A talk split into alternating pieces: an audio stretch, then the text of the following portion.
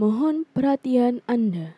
Sesaat lagi Anda akan mendengarkan podcast dari Debs Project yang dipersembahkan oleh Bian dan Lutung. Maaf, salah. Bian dan Diki. Terima kasih.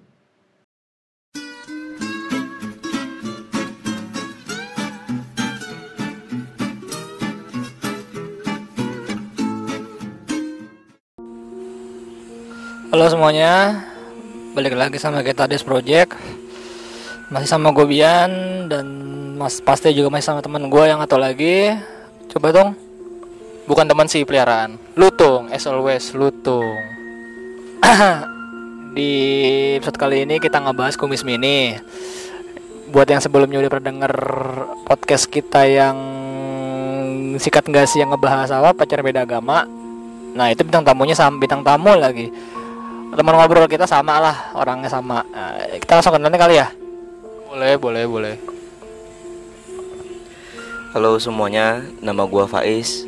udah kan oh iya nggak apa-apa nggak apa ulang lagi ulang ulang Belum formalitas. Halo semuanya, nama gua Faiz. Gua balik lagi ke sini tapi bukan dalam rangka promosi, tapi dalam rangka sharing cerita pengalaman hidup gua tentang sesuatu hal yang berbau dengan horor, sesuatu hal dengan yang berbau misteri. Itu sih. Yang pengen gue share- yang pengen gue sharing hari ini. kenapa sampai akhirnya lu memutuskan untuk hubungin kita lagi? Ka- kan kemarin kan lu sempet ngontek kita nih ya kan? Gue mau dong ngisi di kumis mini kayak gitu. Kenapa? Lu pengen ngisi di kita tuh kenapa Karena ya gue pertama gue pengen sharing aja sih eh, pengalaman apa per- pengalaman yang pernah gue alamin. Terus yang kedua gue nemu wadah tempat gue sharing yang temen gue sendiri. Jadi nggak masih susah-susah untuk gue sharing. Tinggal janjian di WhatsApp ketemu selesai gitu sih. oke tapi nggak ada ranah promosi kan ya hari ini Nggak ada ranah promosi karena bukan di tempat gue.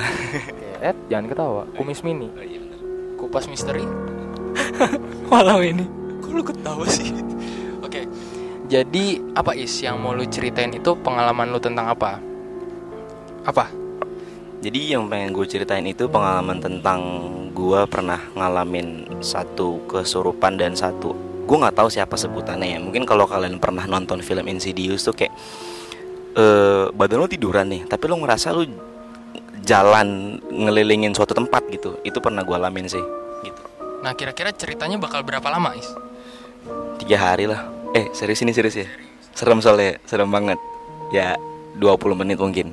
nah berhubung 20 menit ngomong-ngomong kan nih mic-nya cuma satu ya tolong bapak pegangin sendiri nih mic-nya ya pas lagi cerita terus yang tadi lo bilang apa ini insidious yang lo harus pada udah tidur cuman jiwa lo lari ke mana-mana Ker- kesurupan eh, bukan setahu gue di insidious itu astral namanya astral project bukan kesurupan itu sama nggak sih dong mungkin lo lebih tahu deh astral project. Gue baru denger sumpah bre. Astral project apaan? Itu lu jadi posisinya lu mau ngantuk. Eh mau ngantuk mau tidur. Tapi lu gak ngantuk lu paksa tidur terus. Terus tiba-tiba kayak roh lu jiwa lu tuh jalan sendiri ngat badan lu tidur.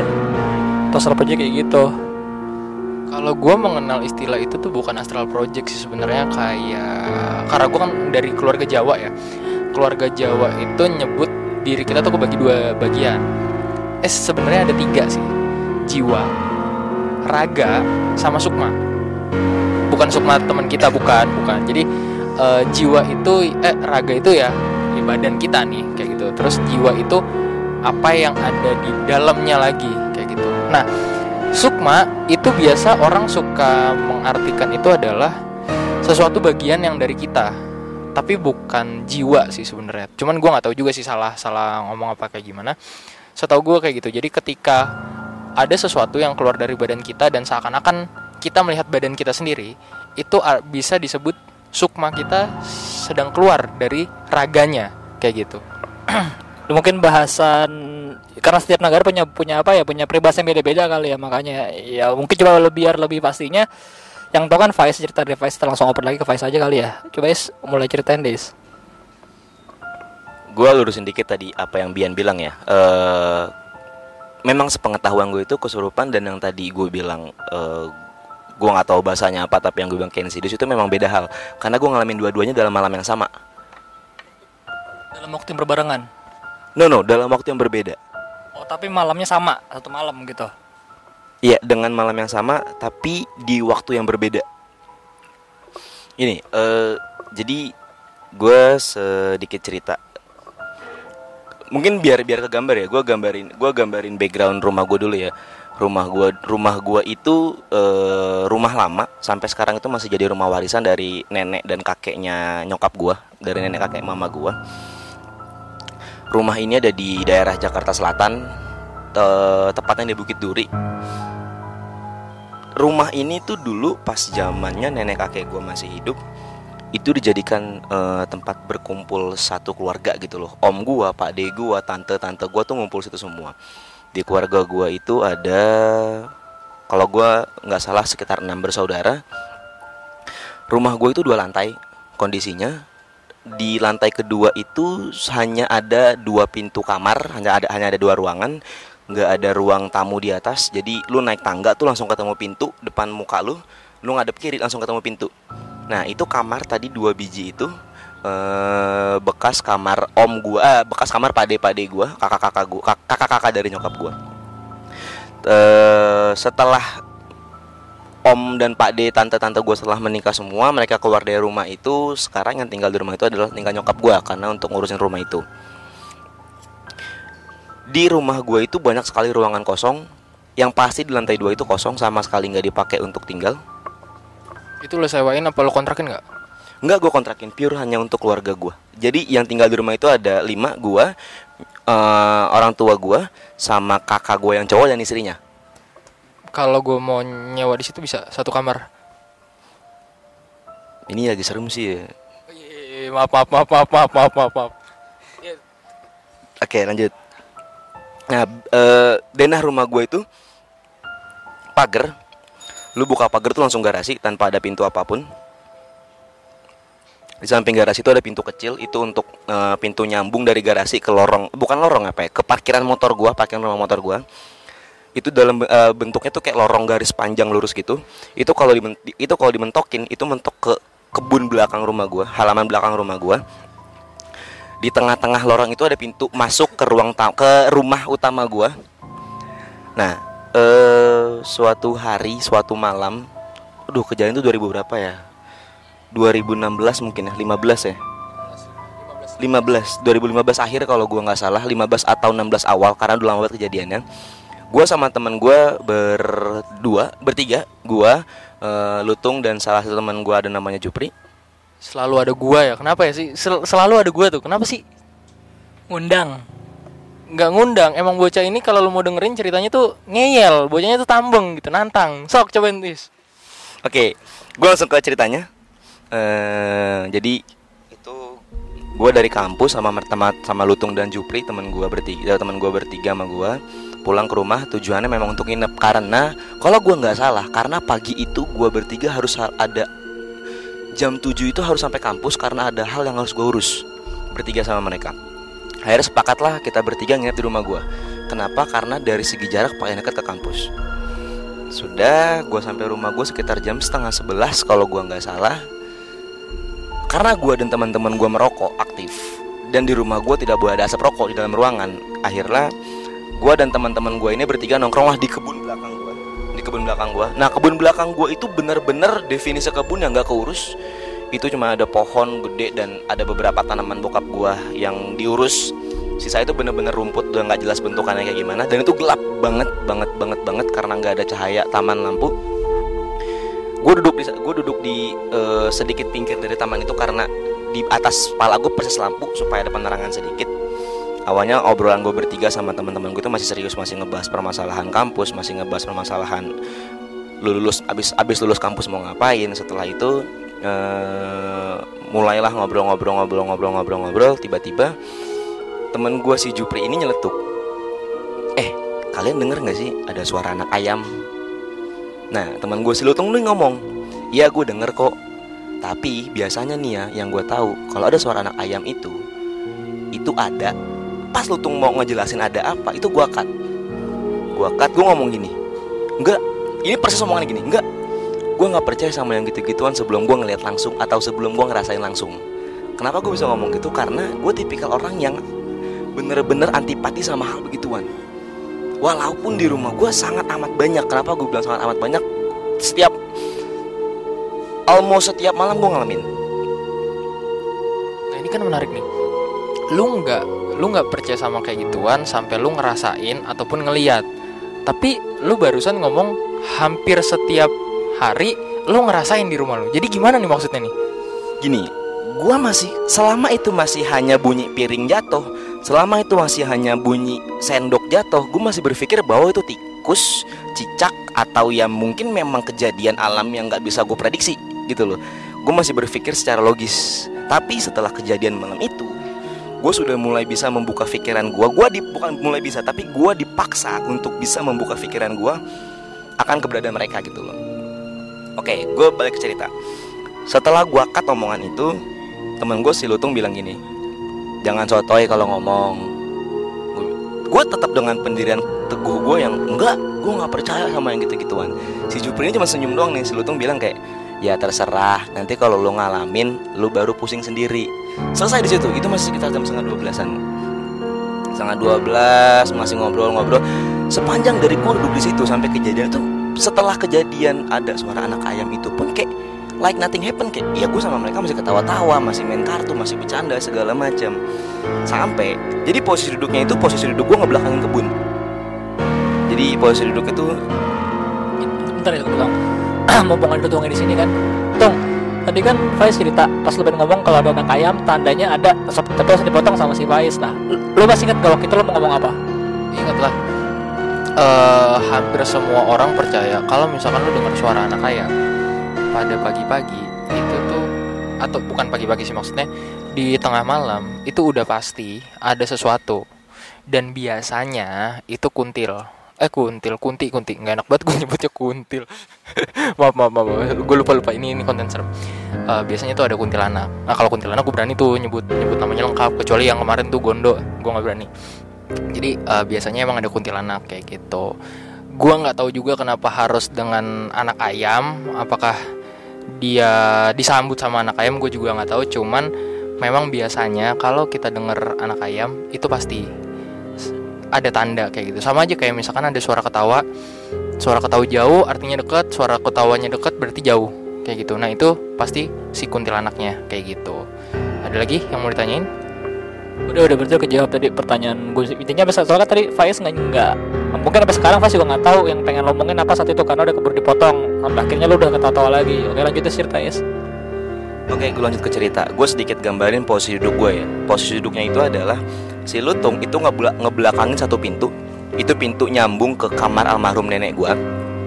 Jadi kamar kamar almarhum nenek gue itu kalau ada satu pintu ke belakang, kalau dia buka pintu belakang itu itu langsung nyambung ke kebun belakang yang tadi gue jelasin yang gak kurus itu. Nah, sedangkan si Jupri itu duduk ngebelakangin pintu.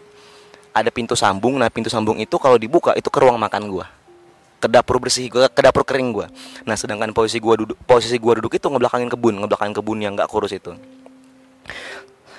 dari gue duduk di sana sekitar setengah sebelas sampai setelah kejadian suara anak ayam itu setelah kejadian pun kayak kita bertiga masih ketawa-tawa masih bercanda dan lain-lain karena gue nggak ngerasain hal apa pun. Sampai akhirnya puncaknya itu sekitar jam 2 itu kalau nggak salah ya.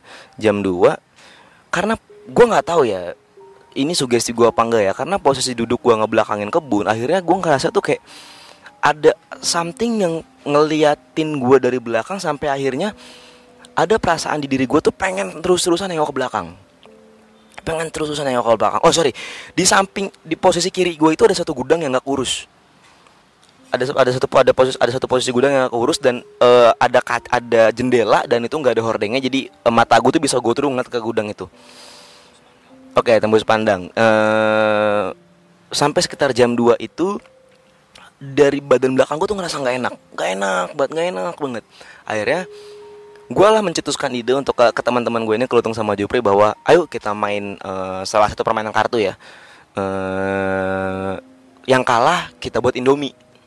Dalam hati gue adalah supaya kita bisa cepat-cepat masuk ke dalam. Karena kalau gue nggak mencetuskan itu, mungkin sampai ajan subuh pun gue masih di belakang akhirnya mereka berdua sepakat oke oke kita main kita main main main main main setengah tiga itu kondisi badan gue makin nggak kondusif pak asli makin nggak kondusif nggak tahu kenapa tuh pundakku berat banget berat seberat beratnya akhirnya gue kalah kalahin gue kalah kalahin pas setengah tiga kurang kalau gue nggak salah gue bilang udah gue kalah ayo kita masuk ke dalam.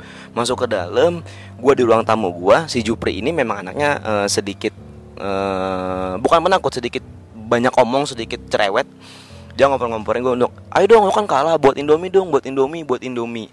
Karena si lutung ini paham dia cuma ngeliatin gue dia dia bilang dia nanya gini ke gue is lu lihat apa gue jawab gue nggak lihat apa-apa. Karena gue nggak bisa ngeliat terus apa yang lo rasain sekarang? Pundak gue berat. Lu tuh masih nanya lu lihat apa? Gue nggak lihat apa-apa tuh sama sekali gue nggak lihat apa-apa. Gue nggak ngada-ngada karena gue nggak bisa ngeliat lu tuh nanya lu lihat yang di gudang samping lu? Gue nggak lihat apa-apa tuh sama sekali nggak lihat apa-apa. Itu udah setengah tiga lewat tuh lu tuh bilang cuci muka sana.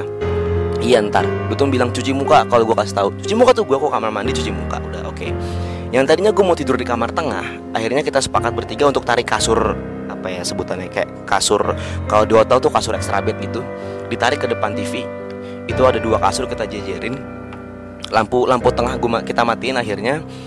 Kita tiduran di situ tuh tiduran di situ dengan posisi tidur adalah lutung samping TV eh sorry gua samping TV lutung di tengah Jupri dekat meja ruang tamu. Setelah dari situ lu tuh ngobrol sama gua apa yang lo rasain is? Badan gue berat banget tung. Oh oke terus apa lagi yang lo rasain? Nggak tahu. Pala gue berat banget sama pun sama leher gue sakit. Gue nggak tahu lutung punya ilmu apa. Gue nggak tahu lutung bisa apa. Dia cuma bilang sini lu duduk bersila. Gue tanya ngapain? Duduk bersila. Sini gue hilangin dulu. Udah tuh gue duduk bersila hadap hadapan sama dia. Gue nggak tahu dia melakukan apa. Intinya adalah pundak belakang gue tuh dipegang dari eh sorry badan belakang gue tuh dipegang dari kepala sama dia diturunin ke bawah turun ke leher turun ke turun ke pundak turun ke punggung gue turun turun turun turun sampai akhirnya gue di daerah eh, bokong pinggang pinggang hampir ke bokong itu sama dia dilepas dan di momen itu gue hampir bukan hampir muntah apa ya bahasanya uwe. Tapi kalau muntah kan sudah keluar ini nggak muntah kayak cuman mual mual. Tapi gue mengeluarkan suara orang pengen muntah. Di situ gue berpikir kayak ah mungkin gue kena angin malam. Lu tuh nanya apa yang ngerasain sekarang? Udah tuh udah enteng. Ya udah akhirnya kita bertiga tidur nih. Kita bertiga tidur. Ini momen epic. Kita bertiga tidur lu tuh ngomong gini sama gue udah kan ngerasain? Enggak ini mah nggak ada apa-apanya. Gue asli gue masih dengan kesotoyan gue men. Gue masih dengan kesotoyan gue gue bilang enggak ini mah nggak ada apa-apanya. Lu tuh bilang lu tuh cuma ketawa. Jup- Jupri ngomong gini is is udahlah udah pagi. Lu jangan sotoy. Gue bilang enggak pri gue bocahnya nggak percayaan kalau gue nggak ngeliat langsung kalau gue nggak ngeliat langsung atau ngerasain langsung hal-hal yang begituan. Jeda setelah gue ngomong itu sekitar gue nggak ngitungin tapi yang pasti nggak lama jadi posisi tidur tadi udah gue jelasin di awal kan gue deket TV lutung tengah Jupri samping. Posisi tidur gue tuh ngengkang jadi gue telentang telentang dengan posisi tidur ngengkang sambil ngobrol sama lutung sambil ngobrol sama lutung. Itu secara nggak sadar kaki gue ngelipet ngelipet itu kayak kaki kanan gue jadi nimpa kaki kiri gue gue ngengkang nih kaki kanan gue nimpa kaki kiri gue setelah itu itu gue eh, kayak nolak untuk ada something yang pengen ke badan gue tapi nggak bisa gue tolak. Itu di situ mau anjing gue merinding. Itu di situ momen gue jam 3 kurang itu di situ momen tiba-tiba yang tadi kakinya gue ngengkang gue berasa laki banget nih. Gue tidur laki banget gue tidur ngengkang tiba-tiba kaki gue langsung ngelipet kaki kanan gue nimpa ke kaki kiri gue langsung kayak sila gitu terus di situ gue, gue momen pengen senyum sesenyum senyumnya orang senyum. Kalau lo pernah ngeliat Joker Joker kan kalau senyum hampir sampai pipi ya? Itu gue ngerasa senyum sampai situ men. Lebar banget senyuman lo. Se ham. Tunggu tunggu coba. Yang lo tuh lo, lo, lo tuh ngeliat nggak? Lu tuh ngeliat itu akan akan gue ceritain. Itu gue berasa banget pengen senyum sampai hampir nyentuh kuping gue itu kalau bisa dibilang tuh full tulang rahang gue gue hampir senyum hampir tulang rahang gue penuh hampir gue senyum. Tapi di momen itu gue kayak enggak gue nggak mau gue nggak mau kasar. Enggak anjing gue nggak mau senyum gue nggak mau senyum. Lu tuh sadar? Lu tuh cuma nyolek Jupri? Jupri inget banget Jupri lagi main game NBA Live yang 4K itu pakai handphone gue lu, lu, tuh nyolek Jupri Pri apaan tuh lo lihat deh temen lu cantik banget. Itu kata-katanya persis. Lo lihat deh temen lu cantik banget. Jupri nengok ke gua. Jupri cuma bilang kayak tung anjing iya dah. Kok cakep? Jupri ngomong gitu men. Itu dari situ gue teriak sama dia. Tung anjing gue nggak mau senyum gue nggak mau senyum. Lu tuh bilang jangan dilawan. Udah lepas aja. Udah nggak apa-apa biar dia masuk. Gue bilang enggak gue nggak mau dimasukin. Gue nggak mau kalah sama dia. Gimana caranya gue harus menang? Gimana caranya dia nggak masuk ke badan gue lu tuh bilang semakin lo tahan semakin badan lu capek. Tapi dengan tetap ya gue masih dengan kesotoyan gue dengan kesotoyan gue bilang kayak enggak enggak gue nggak mau masuk. Intinya dia nggak boleh masuk ke badan gue dia nggak boleh masuk ke badan gue lu tuh bilang lu mau selesai nggak? Selesai. Duduk lu. Duduk tuh. Gue duduk. Akhirnya lu tuh mengulangi eh, ritual yang sama. Bukan bukan yang sama ritual dengan duduk yang sama tapi bangsat lu ngomongnya jangan ritual lah. Kayak seakan-akan gue dukun anjing. Treatment lah atau eh, gerakan yang sama anjing ritual anjing. Gue dikira gue pakai dupa pakai menyan oke oke. Bukan rit- apa ya bahasanya? Kayak salah satu cara untuk menghilangkan apa yang ada di badan gue menurut dia gitu loh. Gue duduk bersila hadap-hadapan dengan dia.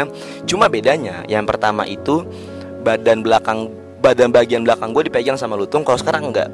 Gue duduk bersila hadap-hadapan sama dia gue jabat tangan sama dia dia cuma bilang lu ngomong sama gue apa yang lu rasain? Jangan dilawan. Iya tung. Udah nih. Gue jabat tangan sama dia hadap-hadapan gue jabat tangan lu tuh nanya apa apa yang lu rasain is? Belum ada tung. Ya udah bentar lagi. Dia nanya apa yang lu rasain sekarang? Badan badan gue panas tung.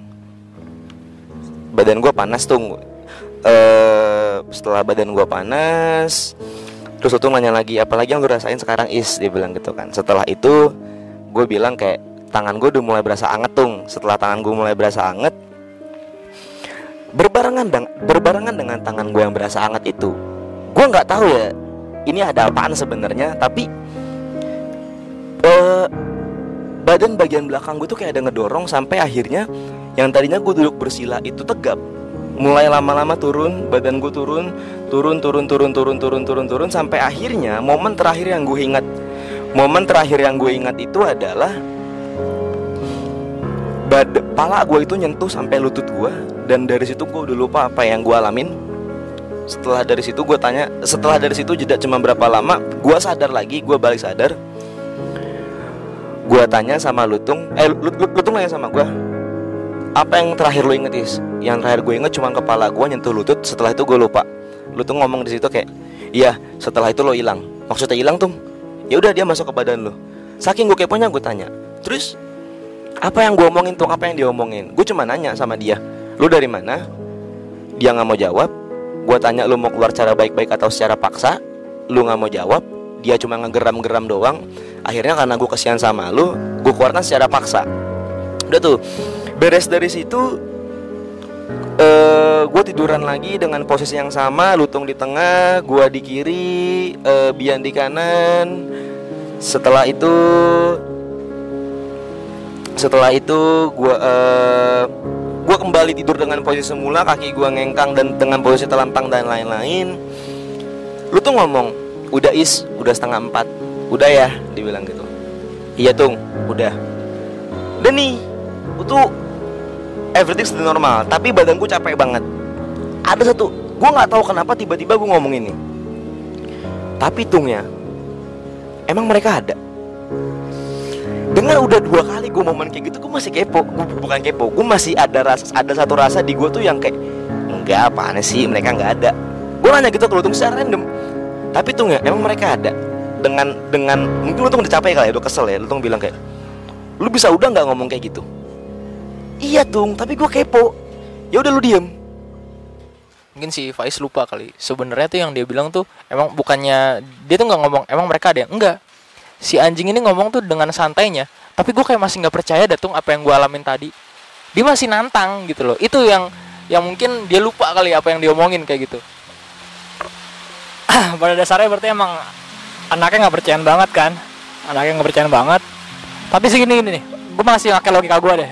Gue percaya sama akan hal itu cuman menurut gue kalau lu nyengir gitu sampai hanya nyaris sampai kuping menurut gue mustahil lah gitu. Kalau bisa robek mulut lu ya nggak sih? Tapi sekarang kan mulut lu ini sehat-sehat aja masih penuh semula. Nah gue kayak masih nggak percaya gitu. Gue, tuh karena gue nggak di tempat gitu kan nggak ngelihat bener-bener selebar itukah senyumannya gitu. Ada nggak coba yang bisa ngejelasin ke gue entah lo tuh atau atau lo is gitu? Karena menurut gue nggak mungkin senyuman bisa sampai kuping tuh lebar banget gitu loh.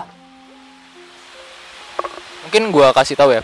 Jadi senyumannya dia memang layaknya senyuman normal. Tapi daya tarik atau aura atau bayangan yang dikasih lihat itu nggak sesuai sama apa yang kita lihat. Gue gue juga rada susah nih nge, nge deskripsinya kayak gini. Faiz iya emang senyum. Tok layaknya orang normal senyum gitu.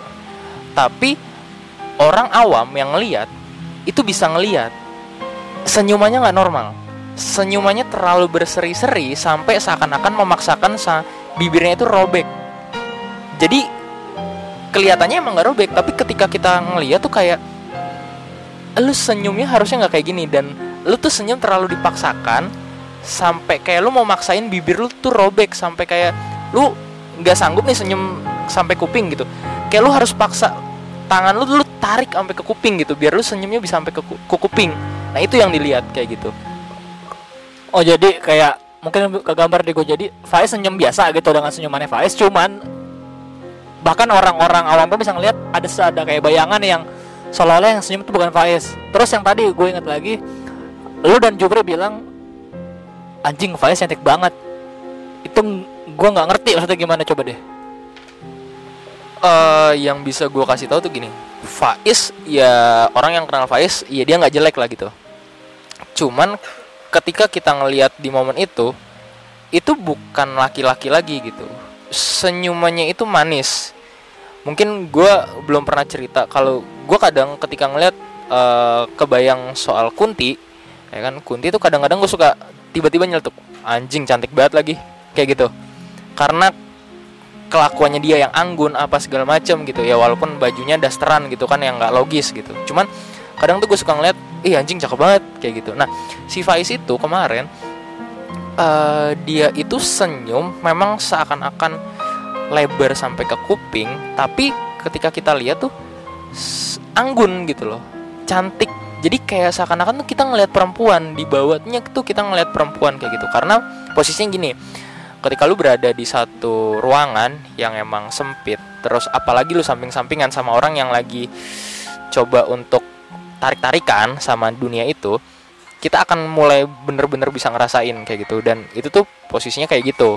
Jadi ketika Faiz tiduran senyum itu tuh gue nyuruh Jupri kan Pri coba lu lihat deh Pri. Can- cantik nggak? Terus Jupri pun bilang anjing cantik lagi. Kayak gitu. Sampai gue bilang anjing is cantik banget loh kayak gitu. Karena memang berapa kali pun gue ngeliat sekelebetan di belakang itu di taman emang ada kunti yang yang dia tuh sebenarnya kayak apa ya kayak perempuan yang kayak bangsa-bangsa umur 25 27 gitu loh. Yang rambutnya panjang terurai. Cuman emang kadang kan kunti suka bisa apa yang ngerubah-rubah perawakan gitu. Kalau dia mau ngeluarin perawakan aslinya ketika dia sebelum meninggal ya akan buruk gitu. Tapi ketika dia ngeluarin sisi ketika dia saat hidup ya seperti itulah gitu. Dan itu cantik kayak gitu. Nah itu yang gue lihat di Faiz. Senyumannya itu cantik kayak gitu itu sih. Oke ya ya ya. Gue ikut branding jadinya. Terus eh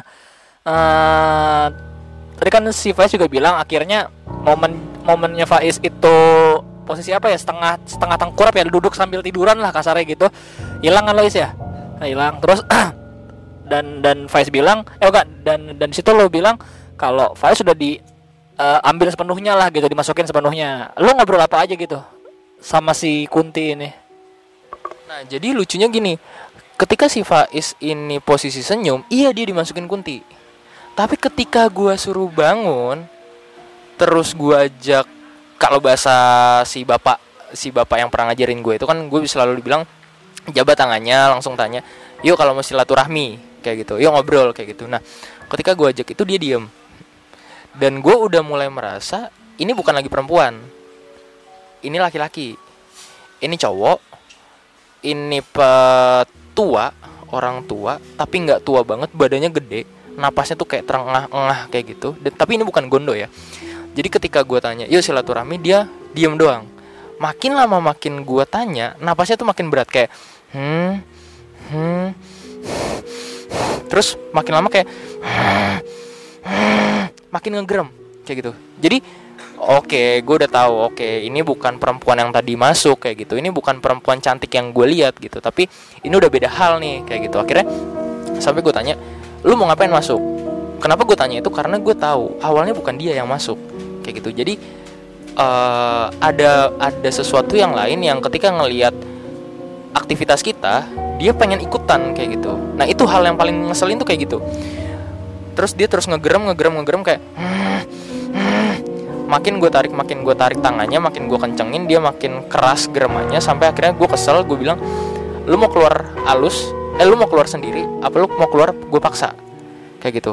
Dia tetap ngegerem sampai kayaknya akhirnya mau kayak mau ngelawan gitu. Akhirnya tangan gue itu gue tahan di kepalanya Faiz. Pas gue tanya lagi lu mau keluar sendiri apa gue keluar paksain? Kayak gitu. Dia ngelawan. Jadi ketika posisi posisi si Faiz bungkuk itu dia coba untuk berdiri untuk ngeliat ke gue oke akhirnya di situ kan balik lagi ini kan ilmu sotai gue ya. Pas itu gue biarin aja. Tangannya gue lepas nih. Tangan gue lepas sampai dia hadap-hadapan ngeliat mata gue kayak gitu. Pas dia hadap-hadapan mata gue oh si anjing ini ngelawan. Gue tanya lagi sekali lagi lu mau keluar sendiri apa lu mau keluar paksa? Gue paksa kayak gitu. Uh, itu geremannya makin keras ya kan. Nah ini posisi ide gue nih kayak gini nih. Kebanyakan nonton film horor ya kan? Entah apalah gue ide apa segala macem itu tangan gue langsung gue keplak ke kepalanya dia terus kayak lu kalau nonton orang-orang yang usir setan ya kan? Ngeraup muka pasiennya kayak gitu. Gue kayaknya ke ke mindset di otak gue tuh oke kalau ngeluarin setan nih harus gue raup mukanya gitu. Gue asli gue ide terus gue cuman bilang dalam hati lu keluar sekarang. Sambil gue ngomong itu gue raup mukanya. Bep.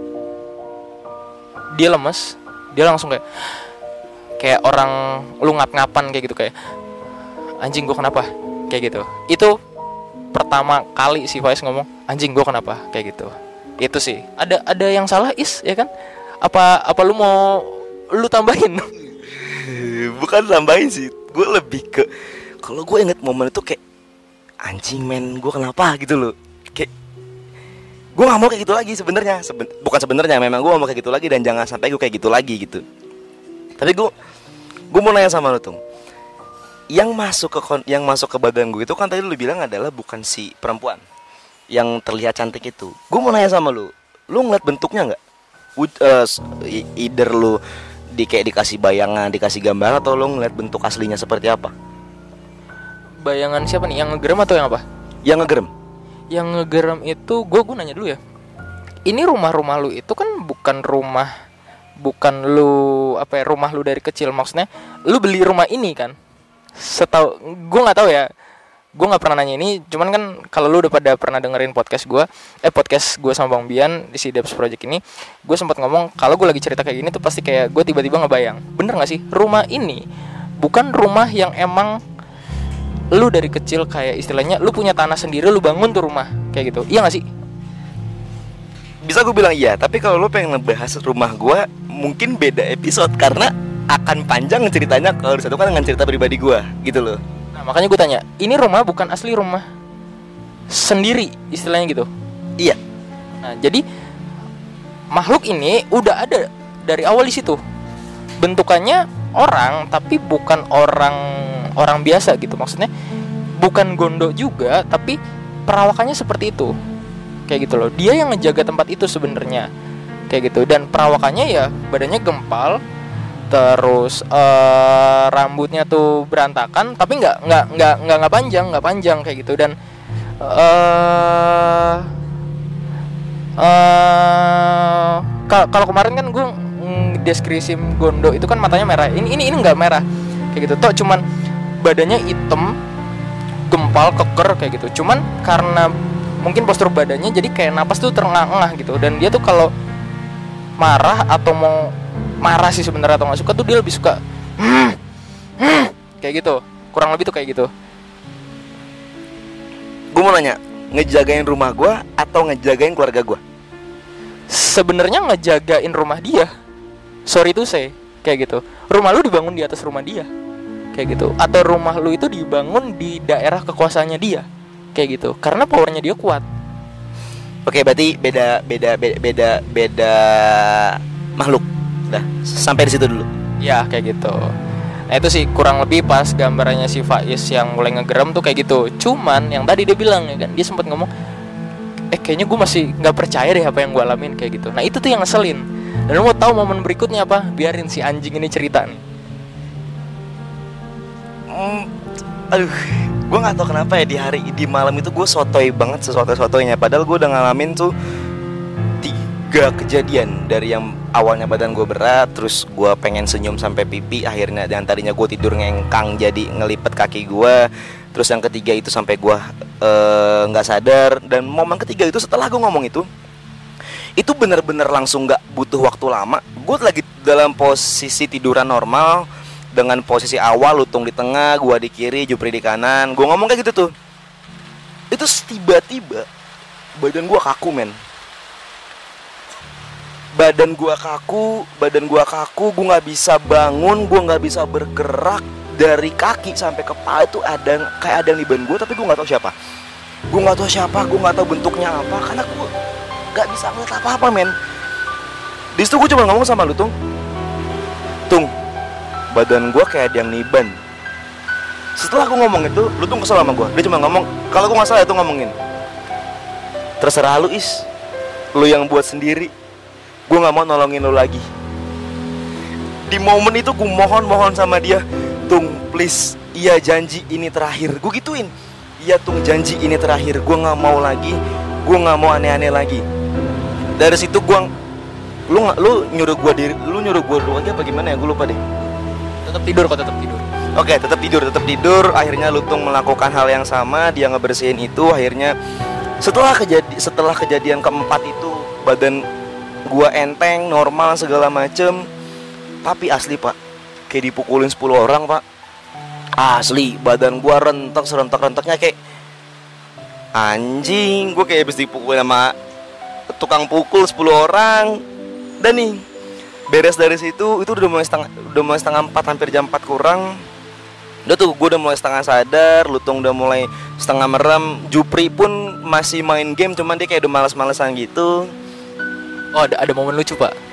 Jadi pas si Jup apa pas si Jupri itu ngeliat si Faiz itu senyum ya kan? Itu tuh ada momen si Jupri itu nengok ke, ke Faiz kan. Dia habis nengok anjing iya lagi cantik gitu. Tapi si si Jupri tuh langsung lompat langsung lompat ke samping eh, ke pojokan gitu. Jadi dia nggak mau deket-deket sama si Faiz. Jadi kan posisinya Jupri Faiz di tengah terus gua ya kan? Karena Jupri gue suruh lihat si Faiz itu si Jupri langsung abis bilang iya cantik gitu. Itu langsung lompat pak. Langsung lompat ke samping gua kayak gitu. Karena dia kayak udah mulai ngerasa nggak enak juga kayak gitu. Enggak dong pak. Posisi tidurnya itu lu di tengah. Gua deket TV Jupri paling pojok kanan. Jupri itu lompat lebih mepet ke meja akhirnya. Karena dia menjauh dari kita berdua. Udah beres kejadian dari situ gua setengah sadar udah udah karena badan gue capek banget gue maksa untuk tidur karena udah jam 4 kurang lutung pun udah kayak capek karena habis nolongin gua Jupri yang nggak tahu apa-apa jadi korban tontonan gua dan lutung kayak anjing gua kejebak nih nginep di sini nih. Lutung dengan dengan keisengannya dia nanya kayak is tapi lu pernah cerita sama gua kan? Lu waktu kecil tuh pernah ngeliat. Gua lurusin menurut gua asumsi pribadi gua semua anak kecil itu pasti bisa melihat dan merasakan. Kecuali dia nggak buta. Kecuali dia nggak buta. Kenapa gue nggak ngedinai? Karena memang waktu SD itu gue bisa merasakan dan bisa melihat dan gue merasakan ya karena karena masih anak kecil gue masih polos gue belum tahu apa-apa akhirnya ya semua bisa gue rasakan gitu. Di waktu gue SD itu yang pernah gue rasakan ada ada beberapa spot di rumah gue yang memang ada satu sosok yang gue nggak tahu sampai sekarang masih ada apa enggak tapi ada satu ada ada di beberapa titik di rumah gue tuh yang selalu gue lihat. Tapi ada satu titik di rumah gue yang nggak pernah sama sekali gue rasakan ataupun gue lihat itu di kebun belakang gue lu tuh nanya gini sama gue tapi is lu kalau nggak salah pernah cerita sama gue lu waktu kecil itu pernah bisa ngelihat gue jawab iya tung gue pernah bisa ngelihat lu tuh nanya di mana aja emang? Dengan santainya dengan lancarnya dengan santainya tanpa beban tanpa beban gue jawab ya tuh di ruang tamu depan tuh ada perempuan duduk di pojokan kursi. Lu tuh nanya lagi terus di mana lagi is? Iya tuh di kamar nenek gue nih ada. Tanya- dia nanya terus terus di mana lagi is? Iya tuh di dapur gue ada nih di, di deket oven. Terus di mana lagi is yang pernah lo lihat? Gue ngomong ada tuh di kebun belakang. Setelah gue ngomong itu lutung karena tidur samping gue dia nyolek pakai sikutnya nyolek sikut gue sambil ngomong bangun. Bangun. Itu tiga atau empat atau lima kali gue lupa. Sampai setelah itu gue sadar gue bangun gue melek kayak gue ngatin dia kayak kita habis ngapain tuh? Terus lu tuh dengan dengan dengan entengnya sampai ketawa kayak habis jalan-jalan. Apaan sih? Gue bilang posisi gue di posisi gue di kasur di kasur hambalan itu dengan tidur samping dia dan gue bangun pun kayak yang gue bingung karena pas gue ngejelasin ke Lutung gue pernah ngeliat di titik di mana aja di rumah gue itu gue sama dia kayak tour guide men. Kayak Lutung tuh tamu gue di rumah gue gue ajak jalan-jalan ini lo tung di rumah gue tuh ada ini ada ini ada ini. Tapi pas di kebun belakang gue dibangunin sama dia dia make sure ke gue kita ulang. Lu tadi cerita sama gue di mana aja? Iya tung tadi gue cerita sama lu nih di ruang tamu sini ada di kamar nenek gue ada. Di oven ada. Di kebun belakang ada. Lu tuh nanya yakin di kebun belakang ada? Pernah lu lihat? Di situ gue sadar. Iya ya anjing. Gue nggak pernah ngeliat di kebun belakang. Dari zaman gue bocah sampai sekarang gue segede gini. Gue nanya sama dia lu ngapain gue bangsat? Gue gituin kan? Lu tuh bilang kayak enggak lu nggak lu nggak gue apa-apain kok. Ya itu lu pernah nonton film Insidious kan? Pernah. Ya udah sukma kita habis jalan-jalan. Terus gue tanya sama dia terus lu kenapa bangunin gue gue nggak mau lo kejauhan. Kalau lo kejauhan lo nggak bisa balik. Di momen itu gue langsung diem ngeliatin dia kayak anjing nih orang. Nggak lagi-lagi gue ajak dia nginep di rumah. Setelah momen kejadian itu beres semua rangkaian dari jam setengah tiga itu sampai setengah lima bokap gue keluar untuk sholat subuh. Karena setelah setengah lima tuh azan eh, azan subuh tuh waktu itu masih setengah limaan. Bokap gue keluar lampu tengah dinyalain sama dia. Bokap gue cuma bilang kayak belum pada tidur terus lutung cuma jawab kayak belum om. Habis bercanda terus gue kayak terus dengan muka shit man gue capek. Terus bokap gue ke masjid berangkat pulang dia ngomong deh sholat subuh dulu. Udah tuh gue sholat. Lu bilang sana sholat lu wudhu sholat sana. Udah tuh gue wudhu gue sholat beres sholat. Gue tidur lagi cuma gue cuma bilang kayak tung badan gue capek banget asli. Gue kayak dipukulin banyak orang. Lu bilang kayak kan gue udah bilang dari awal jangan dilawan. Lu lawan sih capek kan badan lu terus gimana tuh? Ya udah nggak apa-apa buat tidur aja ntar juga hilang kok. Dari momen itu Jupiter tuh bawel banget. Ayo pulang ayo pulang ayo pulang. Gue nggak betah di sini. Dan dari kejadian itu juga itu adalah hari terakhir Lutung dan Jupri ke rumah gua.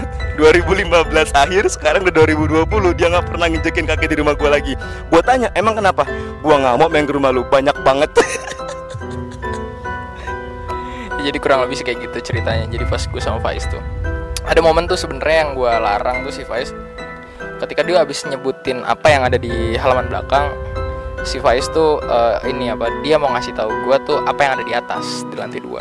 Sedangkan gue tahu yang di lantai dua itu ini udah beda lagi kayak gitu. Karena ini yang di lantai atas tuh emang tuh punya keluarga kayak gitu. Bukan keluarga dia melihara atau apa tapi emang ada satu sosok sosok udah kayak ini ya, penerawangan ada kayak satu makhluk itu yang emang dia selalu ada dan selalu ngikut di keluarganya kayak gitu. Dan gua ngelarang gitu ketika si Faiz coba untuk kejauhan. Gue tambahin dikit. Dan beliau always behind me. Until now. Ya kalau itu mah gak usah dikasih tahu gue juga udah tahu. Yaudah nih sebelum diudahin gue mau nanya dulu tong Kata orang-orang kan Orang yang pernah sekali kemasukan, kesurupan Nextnya akan gampang kemasukan lagi. Itu kata orang-orang ya. Bener atau enggak? basicnya gini Eh, kenapa orang yang udah pernah sekali kesurupan atau kemasukan lah bahasanya kemasukan itu akan gampang? Karena gini orang yang nggak pernah kemasukan itu adalah orang yang selalu ngedenial atau selalu menolak hal-hal seperti itu ada. Yang artinya mereka tuh nggak punya rasa takut. Ataupun punya rasa takut tapi mereka selalu lawan. Orang yang pernah ngalamin eh, kesurupan atau hal-hal yang lain itu secara nggak sadar mereka mulai menerima keberadaan mereka kayak gitu. Jadi kayak kita tuh serba salah gitu. Ketika kita nerima artinya kan kita ngehargain. Tapi kadang ketika kita menerima terus kayak kita jadi lebih takut terus kayak lebih was was nah secara nggak sadar tuh badan kita kan ngeluarin aura dingin nih. Nah di situ tuh akan lebih gampang sebenarnya kayak gitu. Nah si Vice ini sebenarnya nggak akan ke apa ya sebenarnya nggak akan full kemasukan kalau misalkan memang ditahan. Sama dari gue pun gue tahan kayak gitu. Cuman ada momen eh gue kayaknya nih orang atau nih barang mau komunikasi kayak gitu.